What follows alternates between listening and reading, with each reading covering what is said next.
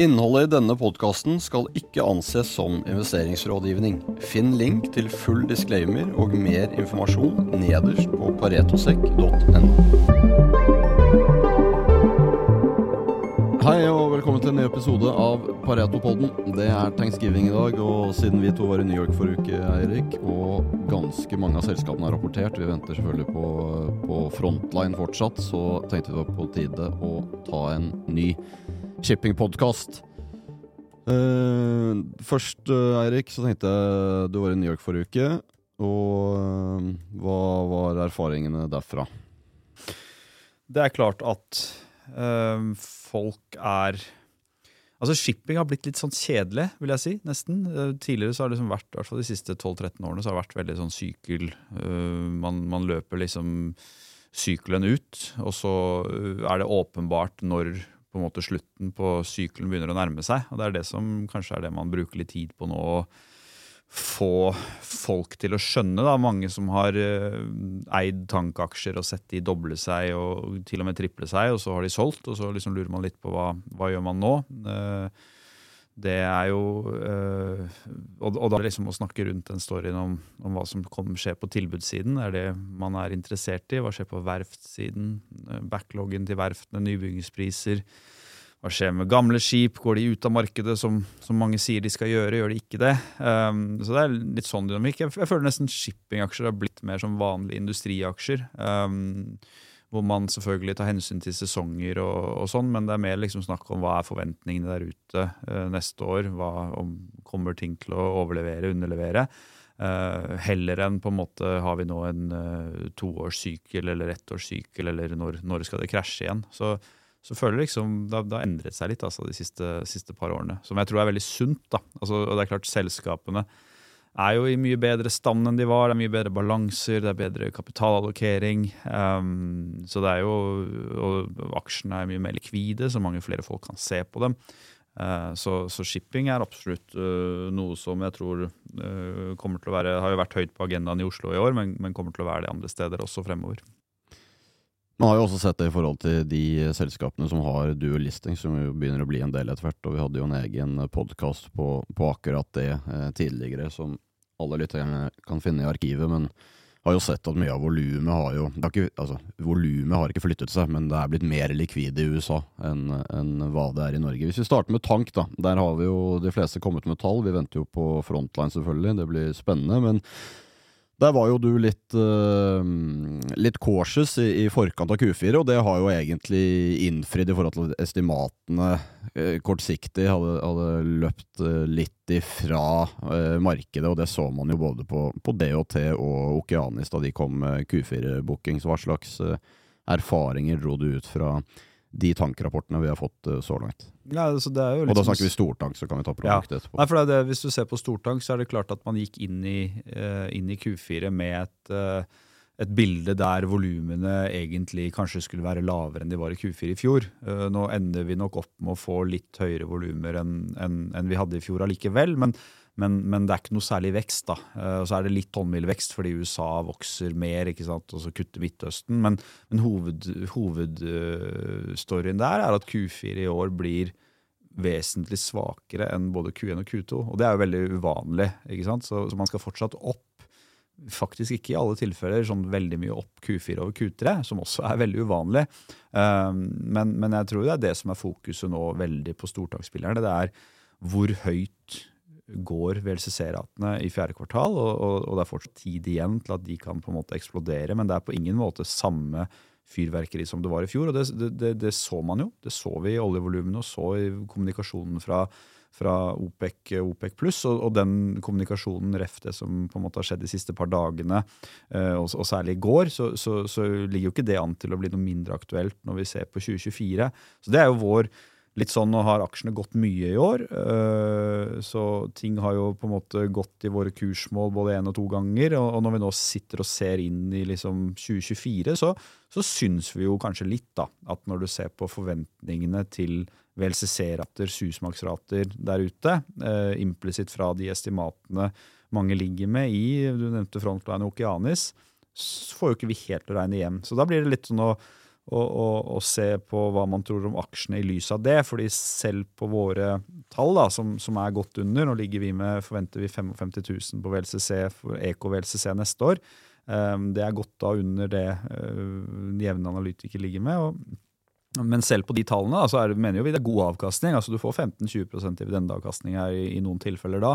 Uh, men så er jo liksom, hvis, hvis, hele markedet går rundt og tror at uh, det skal bli 100 000 på VLCC neste år, så syns vi det kanskje er litt sånn vanskelig i lys av det oljeprisen og oljemarkedet forteller oss. Selvfølgelig kan vi nå, og det skal man legge en liten sannsynlighet på, at, eh, at Saudi-Arabia går ut nå og sier, liksom gir fingeren da, til resten og sier vi gidder ikke bære disse kuttene alene. Vi gidder ikke kutte sånn at Shale skal fortsette å vokse. Eh, vi skal ikke la Angola og Nigeria jukse, Russland og alt sånt. Så det kan hende skjer. Bare sende en million fat ekstra olje inn i markedet fra, fra januar. Da vil nok VLCC-ratene gå i 150 000 og, og Frontline gå i 300 kroner pluss, liksom. Men, men, det skal nok være en litt, litt altså, Oljeprisen forteller oss jo at ikke heller det er det man tror på. Så, så, vår base case her er jo at kuttene blir forlenget, ikke sant? og da når man går inn i 2024 da, så, så blir det negativ volumvekst helt klart år over år i første kvartal. Uh, og da da tror vi kanskje 100 000 på VLCC, hvis, hvis, hvis, man tror på det, da, hvis markedet tror på det, um, er noe høyt. da. Hvis vi hopper over til uh, produktmarkedet, der har du jo um, Hafnia i, Norge, selvfølgelig. Der var jo bildet litt annerledes man, uh, da man gikk inn i, i eh, Q3-rapporteringen. Og der, som du også sendte ut en del rapporter på i forkant, at der var det jo mer oppsiderisk på estimatene, og derfor var det enklere å bli komfortabel på det. Hva, hva er status der? Nei, det er jo litt Det er jo litt det som har skjedd, da. At, at at Q3 ble bedre enn det man trodde. Eh, det er litt vanskeligere å holde oversikt over eh, produkttankgrater. Det er viktig å snakke med folk som slutter båter, på en måte, fordi man, det er litt, litt mindre sånn AG Østen benchmark eh, rapportert fra meglere hver dag. Men, men, men, der har vi jo sett at liksom Q1 blir bedre enn Q3, og så ser vi jo liksom der at den underliggende strukturelle storyen. Der har vi vekst ikke sant, i volumer. Underliggende strukturelle raffineristoryen med mer investeringer i Midtøsten, India, Kina. Uh, vi har begynt å få rapporter nå. ikke sant, Panamakanalen. Det begynner å påvirke. Uh, mye av hvis du ser på totale produktmarkedet i dag, så er 10 eh, USA-gulfen, og av det så er 10% USA-gulfen til vestkysten av Sør-Amerika og, og Nord-Amerika. Og, og det, vanlig, det, kommer til å bli på en måte Eh, påvirket av Panamakanalen, eh, som, som, gjør at eh, flåten blir mer spredd utover. da. Vi har sett meldinger sant, om at skip går fra Chile til USA, ikke, gjennom Panama, men rundt Sør-Amerika. Veldig mye lengre reise. Den type ting da, som, som gjør at produkttank, og der også, da, hvis man skal tilbake til estimatene som eh, tross alt driver aksjer over tid, eh, så, så, er jo forventningen igjen neste år hakket mer edruelig da, eh, enn de kanskje er på, på stortank. Så så vi fortsetter liksom å like, og i tillegg så er jo aksjene eh, verdsatt under Nav da, i, i, større grad på produkt enn de er på, på stortank. Og så skjønner vi at det er mer spennende med VL, og det er klart eh, en, en liksom eksplosjon, så, så, kan MR gå i 50 000, men VL kan gå i 200 000, liksom. Eh, så, så, det er klart det skaper en sånn opsjonalitet eh, som, som, som, selvfølgelig er attraktiv i, i stortankspillerne. Um, flåteveksten i produkt og crude er veldig lav i 2024, og i 2025 er den veldig lav i stortank, men litt høyere i produkt. Så, så, så det, det, er også ting man skal ha i mente. Uh, men, uh, men, alt i alt syns vi er spennende. Gjorde, en, gjorde et lite dyp, dykk her. Interessant å se på Iran, som er gått fra en halv million til en og en halv million uh, fat eksport da, per dag olje. Så ser på listen over skip som har losset Iran-laster siste tiden så er det liksom skip bygget i 97, 98, 01, 02, 98, 99. Det er så gamle skip som nå da håndterer halvannen million fat per dag. Eh, ganske interessant sånn ref den aldersdynamikken vi har. Eh, og, og, det bildet kommer bare til å fortsette. Det var en digresjon, men viktig poeng. Ja, for jo, Man snakker jo alltid man snakker jo alltid shipping om på en måte så så mange prosent av flåten er over 15 år. I produkt så er det 40% av flåten som er eldre enn 15 år. Og så er det klart at det, i et, uh, i et bullmarked hvor mange tjener penger, så skraper man seg på en måte ikke videre oppover. Men det som kanskje er interessant nå, er jo, som du sier, at uh, det blir jo nesten ikke bestilt skip. Og du trenger jo å fornye flåten på et eller annet. Det er ikke sånn at nybygg er fy-fy. På et eller annet tidspunkt så trenger vi jo å fornye flåten, og kanskje spesielt i dag med disse nye reguleringene eh, som det har blitt snakket mye om de, de, siste tiden. I tillegg så er det jo ganske stor forskjell på fuel consumption på en del av disse båtene. Det er jo det som er det, ironien oppi dette her. Altså, tank, syk, du skal egentlig alltid bygge det som ble skrapet for 23 år siden. Da. Eller du skal alltid rebygge det som ble bygget for 23 år siden. Går vi tilbake nå 23 år og 22 år og 21 år, altså ser hva som på en måte skal fases ut de neste eh, par årene, Eh, så er det veldig mye tonnasje. Eh, og da er det ironisk at vi er på et tidspunkt nå hvor snittordreboken i på en måte forward cover for verftene er nesten fire år. Det var to og en halv det i 2020-2021. Eh, antall verft i år som har fått ordre, er liksom under 150. Det var 300 før covid. Det er ordre over en viss størrelse. så, så verftene er i veldig god stand. De har restrukturert.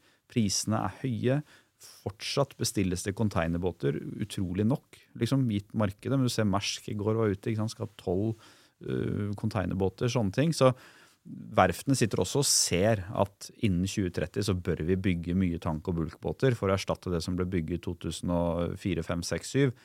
Um, så de ser på dette her og kommer ikke til å ta ned prisene, og, og da sitter vi der og, og og bare forlenger egentlig eh, lengden på denne sykelen ved at eh, såpass lite blir bestilt. Og det vil jeg si, da. Altså tank vært et bra andre halvår, for all del.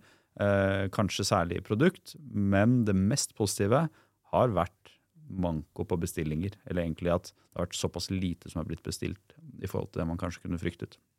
Og Én ting er jo manko på bestillinger, men en annen ting er jo at du begynner å få såpass visibilitet, og så har du så mye cashflow i mellomtiden, så er det ikke sånn at du, du ikke har visibilitet på hva som skjer de neste tre årene, og du sitter og venter i et dårlig marked, men du sitter jo på en måte og venter hvor du hvor du, best, hvor du best case i løpet av de neste fire årene har betalt tilbake hele market capen. Så om det kommer nybygg om fire år, da, så, så er jo risken egentlig fortsatt på oppsiden her du sitter i dag. Da. Ja, og det er jo noe som Historisk så har du liksom aldri hatt tre bra tankaksjeår. Uh, umulig å tenke seg. Men, uh, men uh, med den kapitalallokeringen, altså at de alle betaler ut dividende, og det faktum at liksom, det er umulig å bygge hjel 2025 nå, det er egentlig umulig å bygge hjel 2026 også.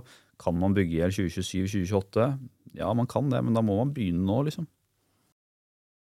Det har jo alltid blitt snakket mye om verftskapasitet, og du var jo litt inne på det her. Men også Bård, vår oljeservicekollega, har jo en fin slide på det nå. At det går jo basically ikke an å utdanne seg til en, eh, til en petroleumsingeniør i, i, Norge lenger. Og det føler jeg jo er litt eh, underkommunisert uh, der ute i forhold til Det er jo litt det samme i Korea uh, osv.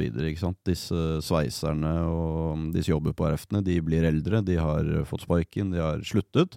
Og eh, de unge som kommer opp, har ikke lyst til å jobbe på verft, men driver med andre ting. Ja, altså de sier at, Jeg husker jeg var på et verft i Kina en gang, og da sa de at eh, for å være god sveiser så skal du ha minimum ti års erfaring.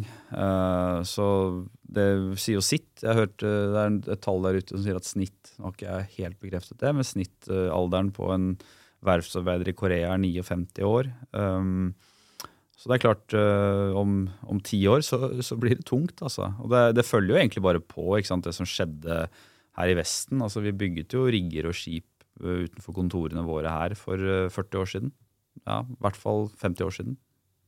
Eh, litt ferdig med tank, da. Vi er jo fortsatt uh, selvfølgelig positive til, uh, til tank, som alle, eh, som alle, vet. Det ser ekstremt bra ut gjennom, gjennom, hele, gjennom hele sykelen her, men dette er shipping, og det kommer nok til å være volatilt fra kvartal til kvartal. Så her må man følge med hele tiden. Hoppe over til tørrbulk, som jo også har hatt litt grann drag i FFA-ene nå siste tiden. Det er jo et segment som alle hadde veldig lyst til å være positiv til ved inngangen av året, og så fikk du et litt sånn fake run fra, fra januar til april-mai, og så fadet det tilbake, og så er du på en måte egentlig litt tilbake til den samme storyen, men forskjellen er vel at du har markedet litt mer med deg, eh, og der fikk du også noen Der var kanskje forventningene ganske lave i forkant av Q3, og så fikk du, fikk du litt overraskelser fra, fra, de forskjellige selskapene, bl.a. Golden Ocean. Ja, så Det vi har sett i år, var at vi gikk inn i året og så at liksom forventningene var altfor høye. Og det kan man se hvis du ser på analytikerestimatene gjennom året har blitt kontinuerlig revidert ned. Og så så vi nå kanskje at Q3 er bunnen, på en måte, eller i hvert fall estimatene fremover nå. Uh, nå har 2024 kommet ganske bra ned. Um, så det er ikke lenger liksom uh, skrekkinnjagende eh, tall som ligger der ute. Eh, I tillegg til at må, må, må ærlig innrømme det at vi trodde ikke markedet skulle være så sterkt som det er nå. Vi trodde på en bedring, men ikke at det skulle være så sterkt som det er nå. Uh, for nå er liksom FFA-ene inn i neste år, så, så, tjener nok Golden Ocean og 2020 Bulkers akkurat i dag. På, når indeksen er par og 20, så tjener de fort 30 000 ikke sant, på, på, på de uh, skipene de har. Og da, da begynner det liksom å, å, å, se ganske greit ut. Um, så, så, så, ting, og, det som skjer, er jo malm. Det er jernmalm. Og jernmalmsprisen forteller jo oss at det er et eller annet som er sterkere enn man, man har sett for seg. Eh, Kina har vært sterkt i hele år, så det er ikke liksom, at det er så stor delta der. Det vi har sett, er at Kina har eh, begynt å øke ståleksporten sin. De bruker stålmøllene som en, på en måte måte, måte å, å, holde hjulene litt i gang på. Eh, noe annen, eh, altså innenlandsk stål industri sliter. Innenlands ståletterspørsel pga. det som skjer på eiendom er, eller construction er litt tyngre, så eksporterer de mer og mer. Ehm, det er bull for tøllast, fordi ehm, Kina produserer sin stål med mer malm enn det de gjør i Japan og Korea og Europa, da, som de typisk skviser ut.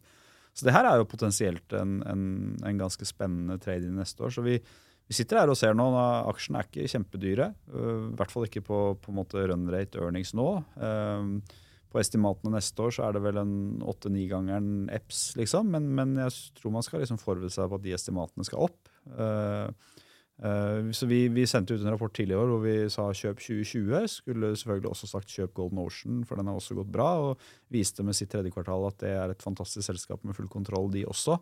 Um, så Sånn sett så, så, så, har du bra momentum inn i neste år. Og så skal man jo være var på at resesjonen og alt dette sant, kan komme. Kinesisk stålproduksjon, altså holde oppe ved eksport. Det, det funket ikke i 15-16 da de gjorde det, så det er liksom ikke fritt fram. Men igjen så har du også der en, på den andre siden der så har du en ordrebok som er, er veldig lav. da.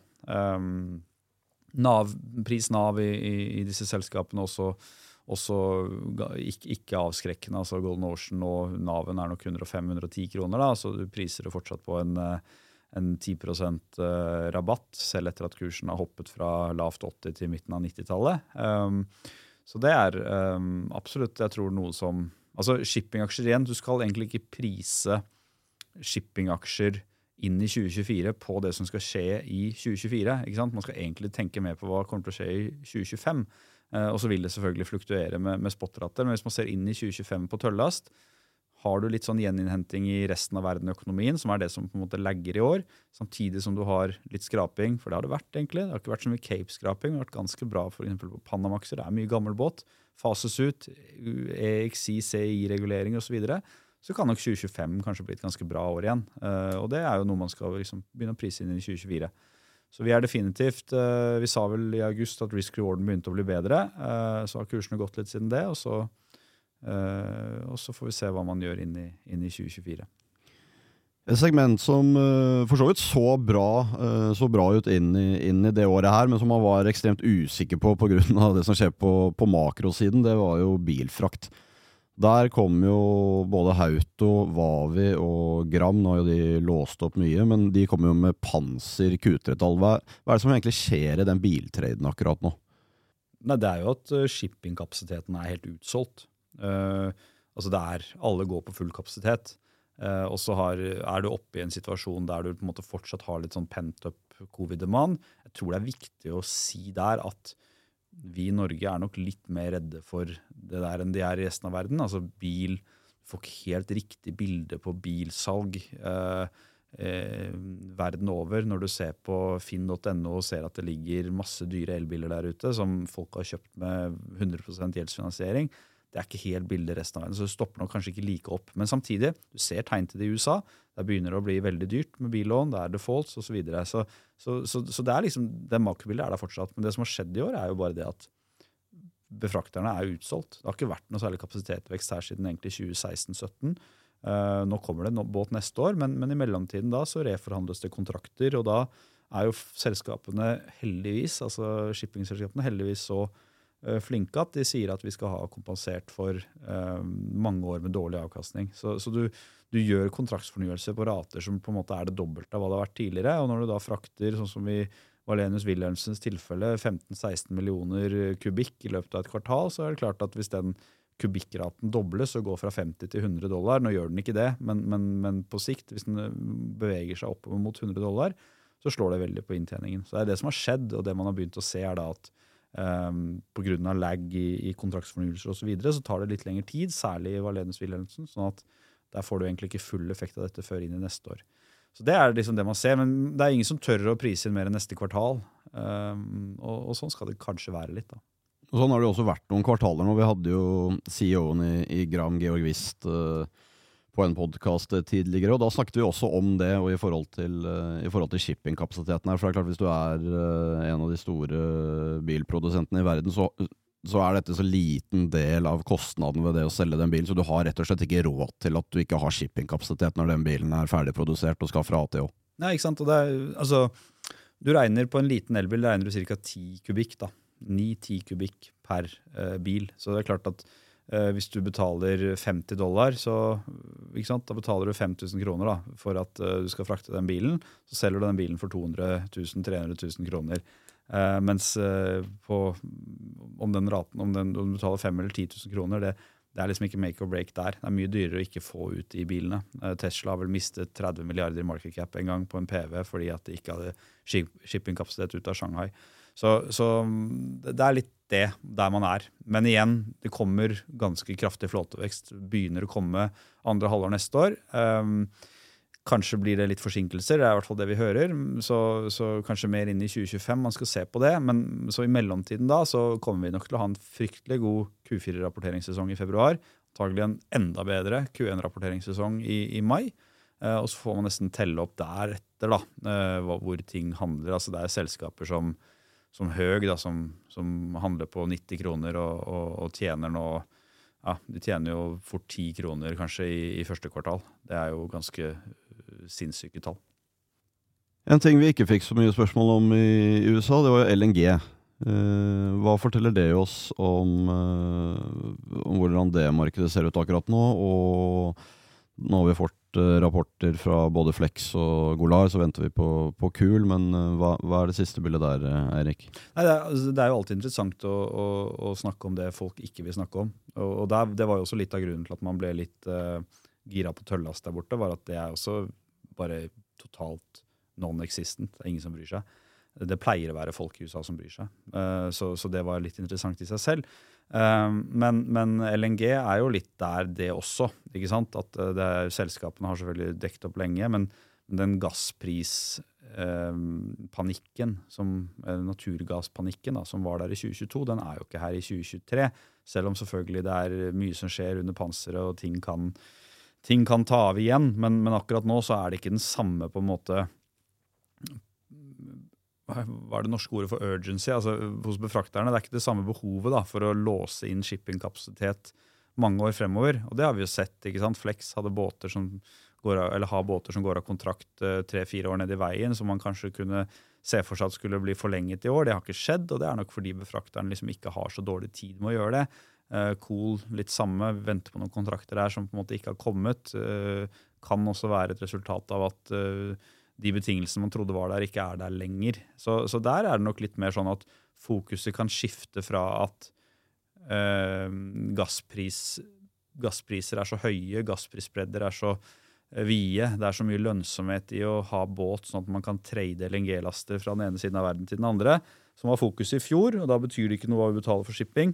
Til at nå liksom inn i 2024 så kan heller fokuset kanskje bli litt mer sånn kommer fryktelig mye båt fremover. For det gjør det. Altså Leveringer av LNG-skip går opp liksom tre-fire-gangeren eh, 2024-2025 kontra hva det har vært i, i 22-23. Så, så, det skal man være litt ydmyk på. At eh, hvis du bruker ren tilbud-etterspørsel-analyse eh, på LNG, og så er det litt vanskelig, fordi at det er så mye sånn trading og prisdifferanser har så mye å si. og eh, Effektiviteten på flåten går så mye ned når man har høye priser, fordi at da blir man bare liggende og vente.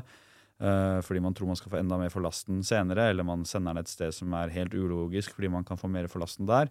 Um, så hvis man går tilbake til å liksom bruke at man trenger fem båter per tonn LNG osv., så, videre, så ser jo markedet ganske, ganske uh, oversupplied ut de neste par årene.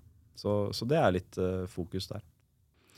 Før vi avslutter, så må vi ta egentlig the star performer, og det er jo LPG. Eh, nå kom det jo uh, olje, oljetallet i går, og det var jo propanproduksjonen i USA. Den er fortsatt uh, knallsterk, og her har jo ratene virkelig vært firm. Kan jo starte med BVLPG. De skal jo etter hvert over og, og, liste seg i USA. Det blir jo mest sannsynlig en, en ganske fin trigger uh, for det selskapet, for du har jo Dorian som er listet der borte. og og dette er jo på en måte et segment som, som folk uh, kan en, en del, uh, en del uh, om. Hva, hva, fikk vi av, av BV på, på, tallene, og hva er det siste innenfor, innenfor LPG-markedet og fremtidsutsiktene der? Nei, altså, Fremtidsutsiktene er i det korte bildet veldig veldig gode. fordi at, og Det så man av BV. De leverer gode tall. Kanskje Forventningene var litt vel høye i forkant, men, men det er jo kjempegode tall. Betaler ut nesten ti kroner i dividende for ett kvartal. Uh, kursen har jo gått som du sier, veldig mye, men for det, for det, Hvis vi bare trekker litt tilbake, da, det er jo egentlig det segmentet uh, hvor selvfølgelig har vært før, men hvis du drar ut container, uh, som har vært litt spesielt, så er det jo egentlig det segmentet man var mest skeptisk til inn i året. Nettopp fordi at her har du faktisk en del skip som har blitt levert gjennom året, og som fortsatt egentlig blir levert. men Foreløpig har de jo klart å absorbere den, den flåteveksten. Når de kommer ut på andre siden her, så ser det plutselig ganske mye lysere ut. Ja, og det er jo altså det er, det er, så enkelt som at hvis du ser på oljeetterspørselsveksten i verden i år, om den er 2 eller 2,5 millioner fat, så er kanskje en tredjedel av det drevet av petrokjemi i Kina. Og det er NGL-er, eh, LPG, da, eh, som, som drar det. Kina har bestemt seg for å bli verdens største eh, produsent av petrokjemi. Og det er klart det bør de være, i og med at de er en stor konsument også. Men de, kommer til å øke eksporten. Og de skal ha propan og butan. Det er det de har bygget opp sin kjemikalieindustri rundt de siste par årene. Um, og de eneste, når OPEC kutter, så er det bare USA som har eksess på en måte propan og butan å komme med. Så, så, det har jo på en måte drevet i år at prisdifferansen, altså hva du betaler for et tonn uh, propan i Asia kontra hva du kan kjøpe det for i USA-Gulfen, er eh, fortsatt da altså Det er 100 dollar høyere prisdifferanse i år enn det var i fjor. Det betyr jo at det er en enorm villighet da, til å betale opp for å få tak i propan i Asia. Eh, og det gagner de som kan eh, skipe den. Eh, de som har laster å selge, betaler veldig veldig mye for frakt. Men akkurat nå, ikke hele. ikke sant? Du kan jo si at det er, det er, fortsatt god økonomi nå i å eksportere, selv om du betaler veldig mye for shipping. Og så har vi fått den siste tiden, da, det som har drevet det litt de siste par ukene, er dette med Panama-kanalen. En tredjedel cirka av traden eh, ville gått gjennom altså totale verdensmarkedet, ville gått til USA-Gulfen til Asia gjennom Panama-kanalen. Eh, nå blir det kanskje helt borte, da, altså pga. tørke, fordi at du må ha vann for å pumpe skip gjennom Panama-kanalen. så så har det allerede blitt en begrensning, men det skal bare bli verre. Altså Vanligvis skal du ha 40 skip om dagen cirka, gjennom Panamakanalen. I februar skal det bli 18. da. Og Det kommer til å skvise ut alt av VLGC-er, mest sannsynlig. Det er container som eventuelt LNG som kommer til å få slippe gjennom. og, og det kan dra etterspørselen på en måte 10 det, i hele markedet i første kvartal neste år. Så, så det vi har sett, er at forventningene fortsetter bare å skrus oppover. FFA-ene er helt elleville. Altså, FFA-kurven er 100 000 gjennom QE neste år. og Selv om det ikke er kjempelikvid, 80 000 nesten neste år. og klart Hvis du legger 80 000 i BVLPG, så er det 50 spenn i dividende neste år. Um, og Hvis du da tror du i tillegg får, får 10 kroner for Q4, så, så, så, er det enkelt å på en måte regne hjem masse oppside. Og selvfølgelig uh, skal de handle på 10% yield, sånn som Dorian gjør i USA, så, så, så, er det mye oppside på kursen. Så, så vi synes jo det, er, det er klart det er vanskelig å si hva som skjer med kinesisk petrokjemisk etterspørsel i 2025 og 2026. Akkurat som det er vanskelig å si nøyaktig hva som skjer med amerikansk produksjon i 2025-2026. Så man skal liksom, Dette er kanskje ikke noe man legger i skuffen og plukker opp om tre år, sånn som jeg kanskje mener at tankaksjene er i dag. da. Um, men, men, er det ikke også det på en måte du, du, ser nå, som er den store store forskjellen i forhold til hva du har sett på shipping de siste i hvert fall ti årene? 15 eh, årene, det er jo det at du det er jo helt umulig å spå langt inn i fremtiden hva som vil skje. Supply-siden har vi på en måte et forhold til, men det kan jo skje ganske mye på demand-siden som er vanskelig å forutse. Men du derisker jo casene så utrolig fort der med den cashen du genererer. Det er jo det som på en måte er den store store forskjellen på, jo, på mange av de segmentene her nå. Ja, Det er jo det som er så fint med shipping. da, at liksom Når spotraten først kommer, så er det kontantstrøm neste uke. Det er ikke kontrakter, treårskontrakter med startup andre halvår neste år eh, og masse capex i mellomtiden for å komme i posisjon. Det er, EBITDA-en er cashflowen din, i hvert fall nå når selskapene begynner å bli gjeldfrie. Uh, og, det, det, er jo også noe som ikke har vært altså det, det, er klart det, det ligger jo litt i tallene, men de genererer jo faktisk så mye cash nå at uh, du kommer jo ut uh, på et tidspunkt hvor du begynner å ja, nettopp bli, uh, bli gjeldfri. Og de skal, det skal de jo heller ikke være. Nei, det skal det heller ikke være. Og så har du jo sett, ikke sant? og det er BVLPG et godt eksempel på. Da. Hva skjer når et selskap blir gjeldfri for de er så godt som gjeldfrie? Jo, da betaler du ut alt du tjener, og da går kursen fra 80 til 160 kroner. det er litt sånne ting vi tror kan skje også i tank. Men Altså, Vi skal ikke bli helt euforiske og dumme her, og det er jo det som er så fint. Jeg føler ingen er det. Uh, at det bestilles masse våt her på et eller annet tidspunkt. Selvsagt gjør det det. Selvsagt kommer dette her. Syklisk industri, ekstremt uh, commodity. Selvfølgelig blir det bygget i hjel på et eller annet tidspunkt. Uh, ellers så bare begynner du liksom å få en, en, en strukturell nedgående trend på etterspørselssiden som gjør at vi trenger mindre, fordi at det blir for dyrt. Så, så så selvsagt. Men, eh, men, tidligere så har man liksom kunnet se konturene av noe sånt ni måneder inn i en oppsykkel. Nå er vi i tank da, to år inn i en oppsykkel, og, og vi mener ikke man ser det. da. Det er jo sånn sykkelen er bygget opp. Rederne tjener penger, da bestiller de skip. Ja. Uh, og sånn har det ikke vært uh, i, i, starten Nei. av av denne Så lenge det er dyrt, vanskelig, usikkert, lang ledetid, kapitalen koster noe, så er jo det ting som i hvert fall ikke har vært der de siste 15 årene. Og, og, og, det skal tilsi at det bestilles mindre. Jeg tror vi lar det være podkastens siste ord. Dere finner selvfølgelig all Pareto shipping research inne på online.paretosec.com. Takk for at du eh, tok deg tid til å komme hit, eh, Eirik. Høres vi i neste episode. Vi minner om at denne podkasten ikke inneholder investerings- eller annen type rådgivning. Handel i verdipapirer medfører til enhver tid risiko, og historisk avkastning er ingen garanti for fremtidig avkastning. Pareto Securities er verken rettslig eller økonomisk ansvarlig for direkte eller indirekte tap, eller andre kostnader som måtte påløpe ved bruk av informasjon omtalt i denne podkasten. Finn link til full disclaimer og mer informasjon nederst på paretosek.no.